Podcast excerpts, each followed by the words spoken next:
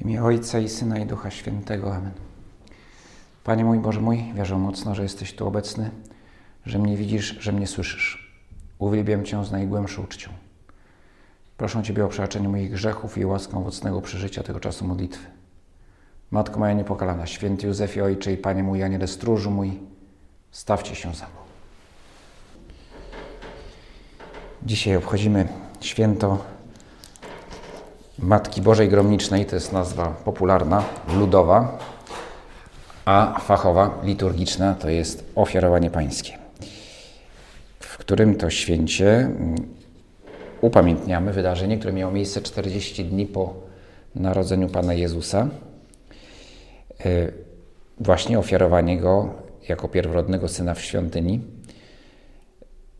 I wprawdzie ta, ta historia jest czasie Bożego Narodzenia również czytana na któregoś dnia, no ale przypominamy ją sobie właśnie w tym święcie, bo historia ma duże znaczenie symboliczne, to wydarzenie i dlatego Kościół chce, abyśmy je sobie przypominali. Przy okazji jest to, można już wreszcie definitywnie zakończyć świętowanie Bożego Narodzenia, to znaczy wyrzucić już i tak mocno zwiędłe i oklapłe choinki,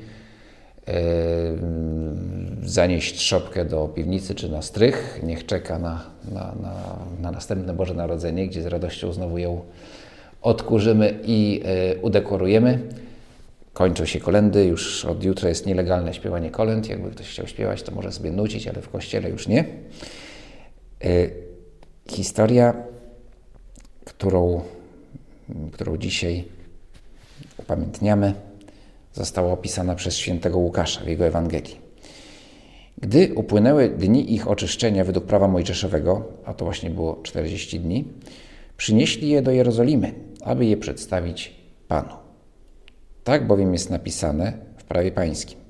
Każde pierworodne dziecko płci męskiej będzie poświęcone Panu. Mieli również złożyć w ofierze parę synogarlic albo dwa młode gołębie zgodnie z przepisem prawa pańskiego. Tutaj mamy dwa obrzędy.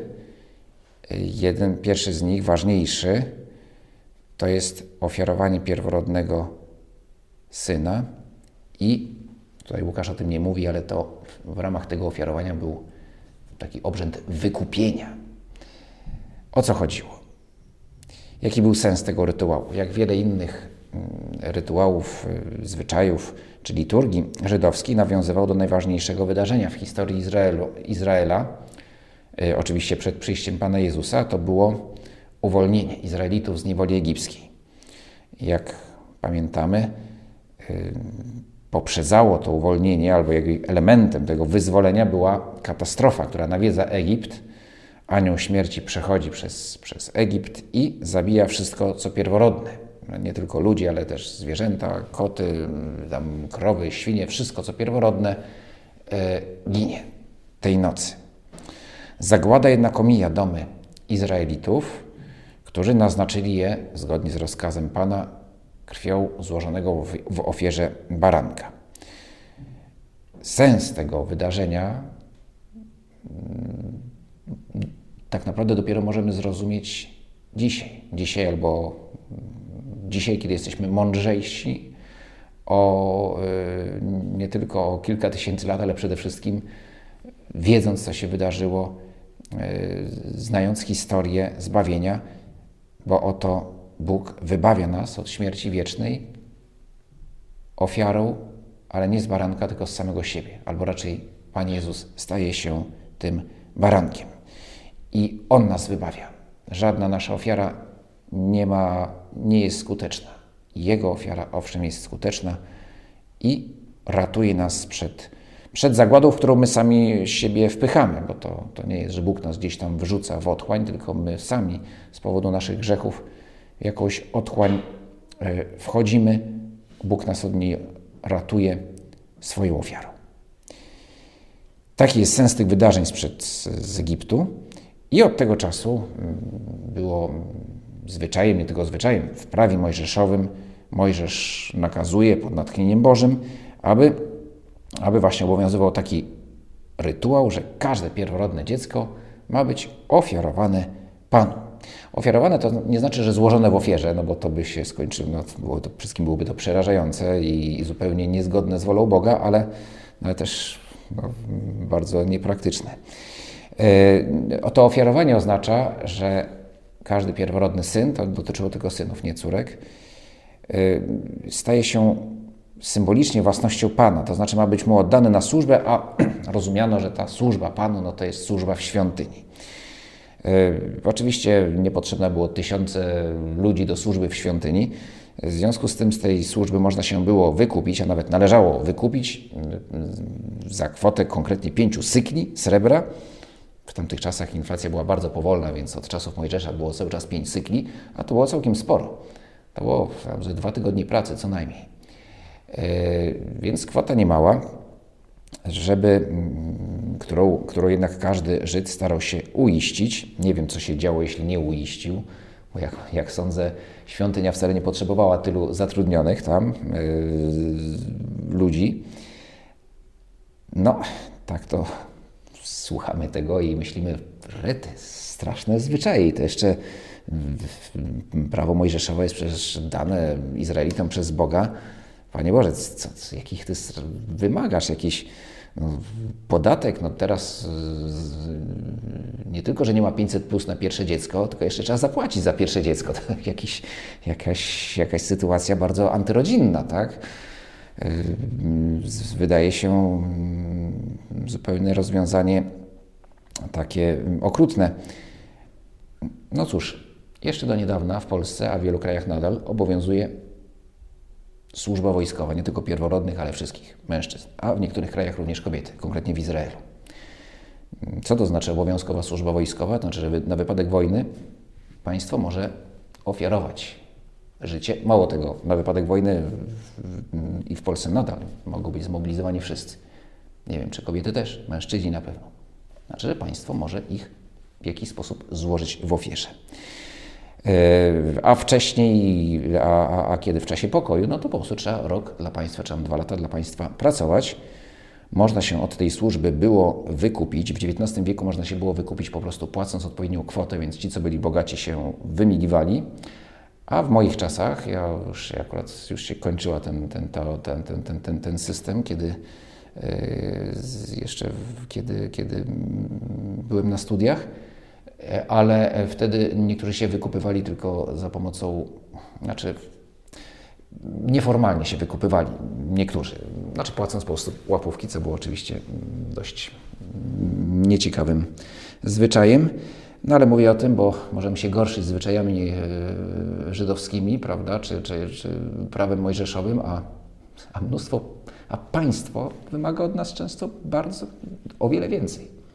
O wiele więcej. E, I, co, I to nie znaczy, że to jest coś złego, bo dobro wspólne wymaga od nas jakichś, jakichś ofiar.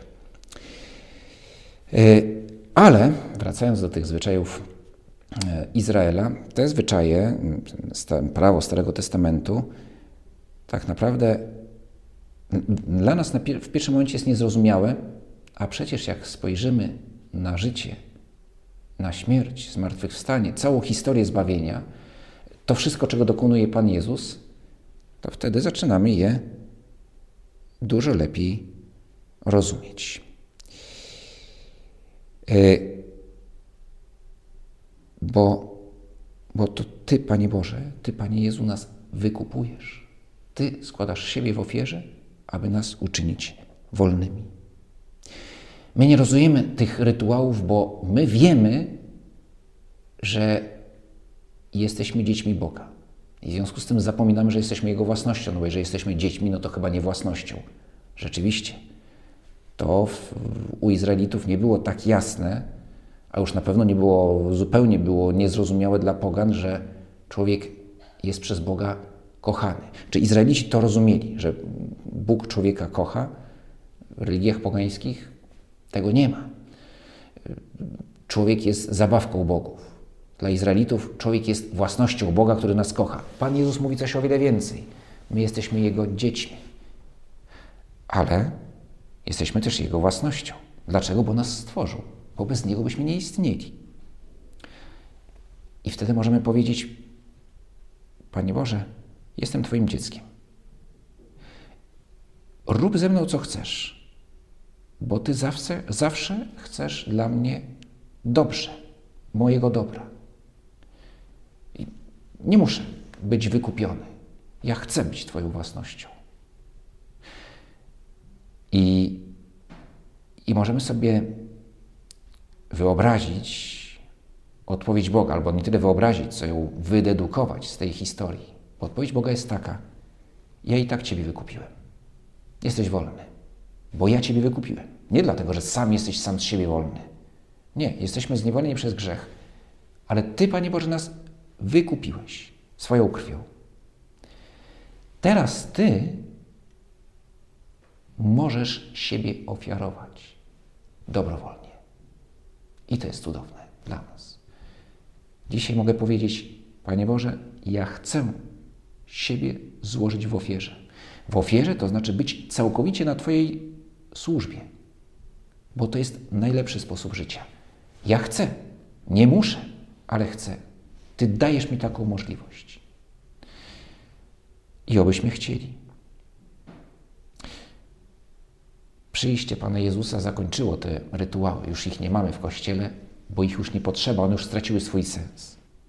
Ale co ciekawe, Pan Jezus się im poddaje. No, jest malutki, jest dzieciątkiem, ale więc on tam dużo niego się o zdanie nie pyta. Ale Maryja z Józefem decydują, że spełnią ten właściwie niepotrzebny, zupełnie niepotrzebny wobec Pana Jezusa zwyczaj. Przecież on jest synem pierworodnym, tak, jest synem pierworodnym, ale jest synem pierworodnym Boga, jest Bogiem. Więc z czego ma się wykupywać? Jest całkowicie wolny. Ale, ale ten, te symboliczne, ta kwota, którą płaci tam święty Józef za, za można powiedzieć, zwolnienie Pana Jezusa ze służby w świątyni, e, to jest zapowiedź ofiary ze życia, którą Pan Jezus za nas złoży. I w świątyni nikt tego nie zauważył, nie bo nie był w stanie wiedzieć o co chodzi. Po prostu jedna para więcej przychodzi ze swoim pierworodnym. Dwoje jednak ludzi to zauważyło. Albo raczej zrozumiało dzięki łasce, którą otrzymali, łasce nadzwyczajnej. To był Symeon i Anna. Symeon, człowiek prawy i pobożny, wyczekiwał pociechy Izraela, a Duch Święty spoczywał na nim. Jemu Duch Święty objawił, że nie ujrzy śmierci, aż zobaczy Mesjasza Pańskiego. Za natchnieniem więc Ducha przyszedł do świątyni, a gdy rodzice wznosili dziecko Jezus, aby postąpić z nim według zwyczaju prawa, on wziął je w objęcia, błogosławił Boga i mówił. No i potem jest ta modlitwa dziękczynienia Symeona za to, że, że, że mógł wziąć w swoje ramiona Zbawiciela. A potem zwraca się do, do Maryi i Józefa. Ciekawe, że to jest powiedziane do jego ojca i matki. Józef jest traktowany jako ojciec, bo Józef, choć biologicznie nie jest ojcem Pana Jezusa, pełni funkcję ojca. I tak go tytułuje święty Łukasz. Symeon zaś pobłogosławił ich i rzekł do Maryi: Oto ten przeznaczony jest na upadek i na powstanie wielu w Izraelu i na znak, któremu sprzeciwiać się będą. A Twoją duszę miecz przeniknie, aby na jaw wyszły zamysły serc wielu. Oto w ten dzień ofiarowania Symeon mówi, to będzie ofiarowanie w, całym, w całej pełni. Tak, ten pierworodny syn złoży samego siebie w ofierze. I ta ofiara przyniesie zbawienie światu. To wszystko Symeon mówi prawdopodobnie cichutko, tylko do Józefa i Maryi, tłumaczy. A oto pojawia się druga osoba, prorokini, prorokini Anna, która tam w tej świątyni od kilkudziesięciu lat mieszka. Wszyscy się jej, przypuszczam, troszeczkę boją. Wszyscy ją szanują, troszkę się boją, bo to ma jakieś wizje, cały czas prorokuje, nie wiadomo co wyprorokuje.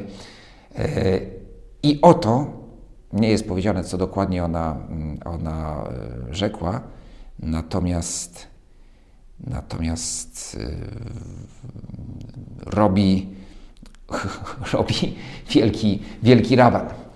Przepraszam, nie mam tutaj zanotowane, tak jak to, jak to święty Łukasz, nie, nie wiem z sobą tego fragmentu, ale, ale pamiętam, że, że chodzi i wszystkim mówi, kim jest, kim jest to dziecko. Ludzie oczywiście nie rozumieją, ale pewnie nabożni słuchają, o prorokini Anna coś mówi, pewnie coś ważnego się wydarzyło. Robi wielkie zamieszanie i bardzo dobrze. Choć nikt jej jeszcze nie rozumie, to my ją rozumiemy. Trzeba głosić, że Ty, Panie Jezu, już jesteś pośród nas, Ty, który jesteś Zbawicielem. Ewangelista chciał tą scenę przedstawić, abyśmy zapisać ją, abyśmy ją pamiętali i rozważali. Może nawet ją sobie wyobrażali przez kolejne wieki. Maryję, która wchodzi z Panem Jezusem do świątyni. Ona sama według prawa mojżeszowego też wymagała oczyszczenia i znowu mamy poczucie, że ten symbol oczyszczenia jest zupełnie dziwaczny, wręcz nawet denerwujący. Bo tak było, prawda, że po kobieta, mężczyzna nie, kobieta po porodzie miała dokonać rytualnego oczyszczenia. To oczywiście nie chodziło o jakieś sprawy higieniczne, tylko o sprawę mm, rytualną, prawda, że ona jest z jakichś względów nie może być, uczestniczyć w życiu wspólnoty, jak długo nie zostanie dokonane rytualne oczyszczenie. Może być to trochę właśnie znowu dla nas, nawet nie trochę, mocno niezrozumiałe. No nie dość, że kobieta się namęczy przy porodzie, to jeszcze będzie przez 40 dni jest uznawana za nieczystą, to znaczy nie może uczestniczyć we wspólnych modlitwach. No, jakiś nonsens. A tymczasem chodziło o podkreślenie, przypomnienie, że ból rodzenia i wychowania jest przede wszystkim, no, ból rodzenia jest na kobiecie i w dużej mierze, przynajmniej w pierwszym okresie tego wychowania dziecka również spoczywa na, na kobiecie no, z przyczyn naturalnych. Oczywiście im więcej tata się angażuje, tym lepiej, ale to nie jest żaden, no, jest to trud, który jest, mówi nam, przypomina nam o tym, że ciąży na nas, na wszystkich, na nas wszystkich. Yy, ślad grzechu pierworodnego z którego potrzebujemy oczyszczenia, ale oczywiście człowiek tego oczyszczenia dokonać nie może. Dokonać może go tylko Bóg. I taki był sens tego rytuału w przypadku Maryi kompletnie bez sensu właśnie, bo, bo ona jest wolna od grzechu pierworodnego.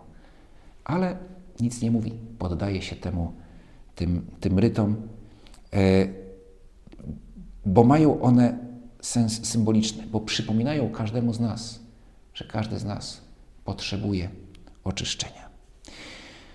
Wchodzi więc Maryja, czysta, bez skazy, z Panem Jezusem, który jest światłem świata. Symbol potężny.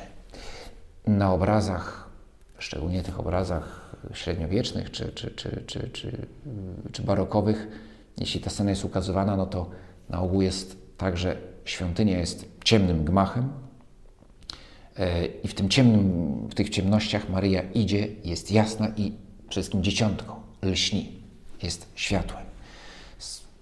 W liturgii do dzisiaj, jeśli mm, byliście dzisiaj na mszy, no to, to, to na początku mszy mm, był właśnie taki obrzęd, że wchodzimy ze świecami. I jeśli jest to możliwe, no to jeśli jest ciemno, no to światło powinno być zgaszone i, i zaczyna się w ciemnościach ze świecami. Ta świeca jest, gromnica jest właśnie symbolem Pana Jezusa. W praktyce 2000 lat temu wyglądało to oczywiście inaczej, bo Maria nie szła przez żadne ciemne pomieszczenie, tylko szła przez skąpany w słońcu dziedziniec świątyni, więc to było tego efektu, mm, e, mm, nie było takiego efektu wizualnego. Ale my, jak sobie to wyobrażamy, możemy sobie tak to wyobrazić i to będzie bardzo dobry e,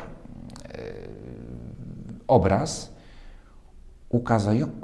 ukazujący rzeczywistość duchową tego wydarzenia, ważną dla każdego z nas. Bo co to znaczy? O czym nam to przypomina?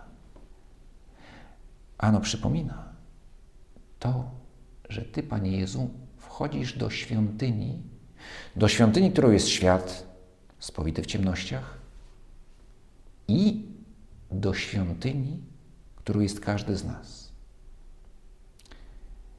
Tak święty Piotr określa chrześcijanina, że jesteśmy świątynią.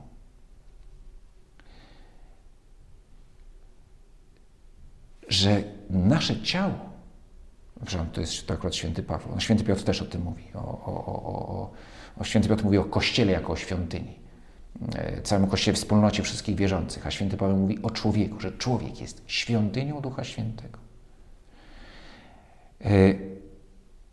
Ty, Panie Jezu, do tej świątyni wchodzisz, Ty ją zbudowałeś i Ty chcesz w niej mieszkać. Właściwie cała Trójca chce mieszkać w tej świątyni i mieszka. Pamiętam na jakiejś pielgrzymce w naszej grupie były dwie dziewczyny, młode cyganki. No i to była wielka atrakcja. Wszyscy oczekiwali od nich, że na jakimś ognisku, że nam coś zaśpiewają takiego właśnie cygańskiego, jakieś tam ore, ore, szabadała, da, more i tak dalej. Coś takiego, że tam wezmą tamburyn i będą tańczyć. Dziewczyny były trochę speszone na tą prośbę, no, żeby coś zaśpiewały, nam tam trochę opowiedziały o, o, o, sobie, o swoim duszpasterstwie, ale potem wszyscy czekają, no, ale żeby coś zaśpiewały, zaśpiewały i one biedne nie wzięły co zaśpiewać, bo z kolei one były, myślę, no, jakoś, żeby to była jakaś taka piosenka, no, taka odpowiadająca odpowiednią na pielgrzymkę.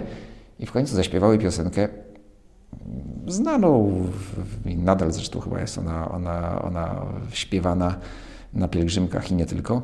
Czy wy wiecie, że jesteście świątynią, świątynią, w której mieszka dobry Bóg? Co tu dużo gadać? Było to pewne rozczarowanie, bo wszyscy oczekiwali czegoś bardziej takiego ludowego, cygańskiego, a tu piosenkę tu wszyscy znają. Ale myślę, że, że dla mnie to było bardzo.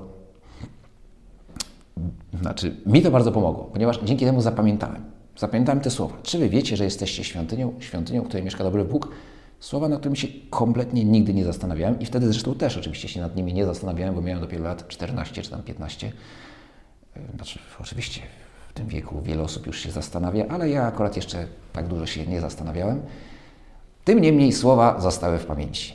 I rzeczywiście, czy wy wiecie, że jesteście świątynią? Naprawdę, jesteśmy świątynią, w której już mieszka dobry Bóg. Ty, Panie Jezu, Ty, Ojciec i Duch Święty, mieszkacie. Mieszkacie u mnie. Nawet jeśli w tej świątyni jest mrok, a jest w niej dużo mroku, nawet jeśli jest dużo bałaganu, bałaganu nawet jeśli stoją tam choinki sprzed pięciu lat, których nikt nie wyniósł, yy, nawet jeśli są pajęczyny, nawet, nawet jeśli ta świątynia, no właśnie, jest zaniedbana, to to jest Twoja świątynia. I dzisiejsze święto przypomina nam o tym, że Ty, Panie Boże, jesteś światłem w tej świątyni, które oby lśniło coraz bardziej. Dzisiejsze święto przypomina nam o tym, że Maria wchodzi z Panem Jezusem do świątyni. Dobrze, Ty, Panie Boże, w nas po prostu już mieszkasz, ale wyobraźmy sobie tę scenę. Jakby odnosząc do siebie samych, przy każdym, w każdej modlitwie, ale w szczególności, kiedy przyjmujemy sakramenty, sakrament Eucharystii i pokuty, ale to jakby najbardziej jest widoczne w sakramencie Eucharystii, w sakramencie Komunii Świętej, że Ty, Panie Jezu, do mnie przychodzisz. Już jesteś, ale, ale równocześnie przychodzisz, to znaczy ożywiasz mnie, wchodząc do mnie, yy, niosąc światło, albo Ty sam jesteś światłem mojej świątyni robi się jaśniej, robi się przyjemniej. Przyjemniej, może też się może robić w pewnym momencie troszeczkę nieprzyjemniej, bo ja sobie w tym świetle zdaję sprawę, ile trzeba zrobić tutaj porządku. Ale co najmniej jest światło. Wiem, co trzeba zrobić. I może się troszkę wstydzę, a może nie. Ty, Panie Jezu, widzisz wszystko. Oświetlasz świątynię i mówisz, patrz, trzeba zrobić porządek. Zrobię go razem z Tobą. I to jest sakrament spowiedzi. Kiedy wchodzisz, nie tylko ze światłem, ale jeszcze z miotłą. Miotłą, którą mi wręczasz i mówisz, chłopie, zacznij sprzątać. A ponieważ ja nie potrafię dobrze jej używać, to mówię, dobrze, daj, ja posprzątam. Ty może tylko już tam pozbieraj. Ty jakoś się zaangażuj, chociaż minimalnie. Tym jest, tym jest sakrament spowiedzi. Tak, tak naprawdę nasz udział jest minimalny w naszym oczyszczeniu, które daje nam Bóg. Ale jakiś jest. To jesteś Ty, Panie Jezu, który wchodzisz do świątyni ze światłem i z miotłą. Pisze święty Josemaria, w rozważaniach do Różańca Świętego, właśnie do, tajemnicy e, ofiarowania w świątyni. To będzie tajemnica, e, to jest czwarta tajemnica, czwarta tajemnica radosna. Czyż przykład ten nie stanowi dla Ciebie pouczenia, że należy wypełniać święte prawo Boże, nie bacząc na własną ofiarę? Oczyść się. My oboje z pewnością potrzebujemy oczyszczenia pokuty, aby przez nią odnaleźć miłość. Miłość, która niczym rozpalone żelazo zdoła wypalić wszelką nieczystość naszych dusz i będzie jak ogień zapalający Boży płomień w nędznej czeluści naszych serc. Nie bójmy się tego ognia, bo to nie jest ogień, który pustoszy, niszczy, nie, który, ale który nas oczyszcza. Ty, Panie Boże, wchodząc do tej świątyni, do mojej świątyni, oczyszczasz mnie. Ja tego nie, nie tylko przed tym nie uciekam, ale ja tego pragnę. Pragnę, żebyś Ty we mnie żył i żebyś Ty mnie nieustannie oczyszczasz, oczyszczał.